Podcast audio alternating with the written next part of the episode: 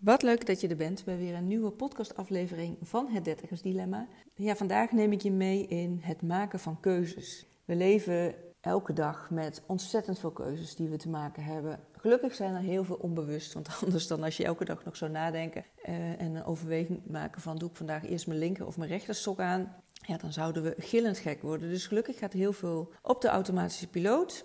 Kan ook een valkuil zijn, want soms ben je al dingen aan het doen voordat je misschien überhaupt denkt van, hé, hey, uh, wil ik dit wel? Nou, dat is een ander verhaal. Daar kom ik ook zeker uh, vaker op terug, heb ik ook vaker al over gedeeld. Nee, vandaag wil ik het vooral maken hoe je keuzes maakt.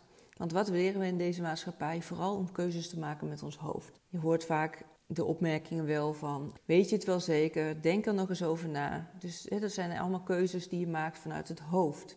Terwijl, we maken helemaal geen keuzes met ons hoofd, we maken keuzes met ons lijf. Ons lijf geeft ons ontzettend veel signalen waarin we eigenlijk kunnen afgaan wat voor keuze we te maken hebben. Dat kan een bepaald gevoel in je buik zijn. Eh, sommigen die voelen het op een andere plek in hun lijf. Nou, voor iedereen is dat anders. Nou is het zo dat je door echt in te zoomen op human design, echt met je chart aan de gang te gaan, dan leer je jouw persoonlijke waarschuwingssignalen, jouw persoonlijke herkenningstekens van jouw lijf, waaraan je merkt van hé, hey, dit is een goede keuze voor mij, een keuze die bij me past. Of met deze keuze ga ik tegen mijn gevoel in, tegen mijn energiestroom in. Daar kun je echt heel goed op inzoomen middels human design. Maar ik weet ook dat niet iedereen human design kent of daar nou ja, de intentie heeft om daar meer van te willen weten. En toch vind ik het heel belangrijk dat ik voor jou een hulpmiddel heb waardoor jij meer leert keuzes maken vanuit je gevoel. En dat is ook waarom ik speciaal voor jou een oefening heb ontwikkeld. Die is gratis te downloaden. Ik zal een link in de show notes zetten, dan kun je daar meteen mee aan de gang. Het is een oefening waarbij je eerst middels een werkblad heel ja, overzichtelijk voor jezelf gaat maken van wat is nou precies de situatie waarin je een keuze te maken hebt, om dat zo objectief mogelijk neer te zetten. En dan dat je ook goed kijkt van oké, maar welke opties heb ik hierin? En dat je op basis daarvan daarna gaat met een uh, ingesproken oefening gaat doorvoelen welke keuze het beste bij jou past. Nogmaals vanuit je lijf, dus vanuit welke signalen je krijgt vanuit je lijf, in plaats van dat je hoofd ermee aan de haal gaat. Want alles is te relativeren, te rationaliseren. En ik geef vaak het voorbeeld, wat misschien voor velen herkenbaar is als je ooit een huis gekocht hebt of misschien een huurwoning hebt bezichtigd. Je gaat een woning binnen en op papier klopt het helemaal zoals ja, het voor jou perfect is. Precies het aantal slaapkamers wat je wil, op de goede locatie, tuin op het zuiden als je dat wil, dichtbij een school. Nou ja, noem allemaal maar op alle punten die jij uh, had in je pluslijstje. Alleen op het moment dat je in dat huis binnenkomt, dan voel je echt aan alles, dit is het niet.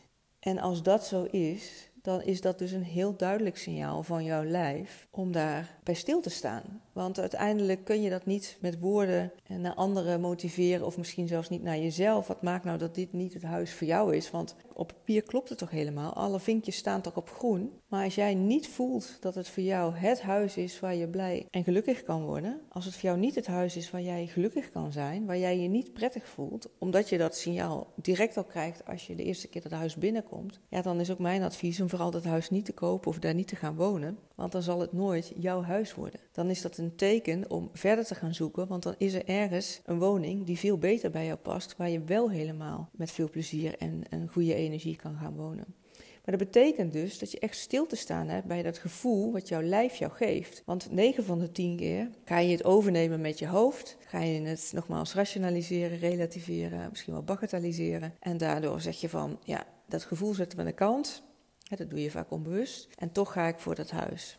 En dan zul je dus zien dat je daar nooit helemaal je plek vindt. Ik ben benieuwd of je dat voorbeeld herkent, of dat je misschien in een soortgelijke situatie met een ander thema, of het nou om een relatie gaat, of kopen van een auto bij wijze van. Het kunnen over grotere en kleinere levensthema's gaan. Wat nou het doel van deze oefening is, is dat je dus meer in verbinding komt met je lijf, met je intuïtie, op basis waarvan je keuzes maakt. Dan kun je gelijk aan de gang gaan met hele grote levensthema's. Om te kijken van, nou, wil ik wel of niet met deze relatie verder? Wil ik wel of niet dit huis kopen? En je kan uh, met wat kleinere keuzes die je te maken hebt in het leven, hier ook al mee oefenen. Want hoe meer namelijk je hiermee gaat oefenen, hoe meer je ja, weer in verbinding komt met je lijf en ook weer voelt welke signalen je lijf geeft, gaat het je steeds makkelijker worden om hier invulling aan te geven, om achter die beslissingen te staan, ook al kun je het niet met je hoofd verklaren. En daarmee bouw je zelfvertrouwen op. Dus het is een, ja, een hele praktische tool om je zelfvertrouwen te vergroten, om echt met de keuzes in het leven die je te maken hebt, er volledig voor te kunnen gaan staan. Ook al hebben mensen om je heen daar hele andere ideeën over en krijg je allerlei goed bedoelde adviezen om het anders te doen, jij weet vanuit een voelend weten wat voor jou de beste keuze is. Ik zou zeggen, ga er vooral mee aan de slag. Laat me weten wat het je oplevert, wat je eruit haalt. Zijn er nog onduidelijkheden over? Ja, laat het me ook weten, want dan uh, kan ik daarover met jou in gesprek om je daar uh, verder verduidelijking over te geven. Ik hoor natuurlijk graag ja, wat het jou uh, gebracht heeft, dus deel dat vooral ook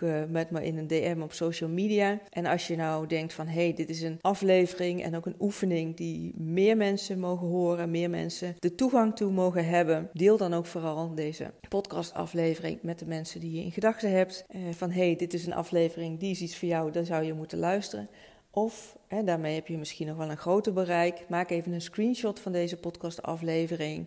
Zet hem op social media. Tag me erin, dat vind ik leuk. Dan uh, zie ik ook dat hij uh, gedeeld wordt. Want ik denk hoe meer mensen ja, hiermee aan de slag kunnen, hoe meer bereik, hoe, ja, hoe mooier dat is natuurlijk. Ik wens je voor nu een hele mooie dag en een heel mooi leven. En ik spreek je snel in een volgende aflevering.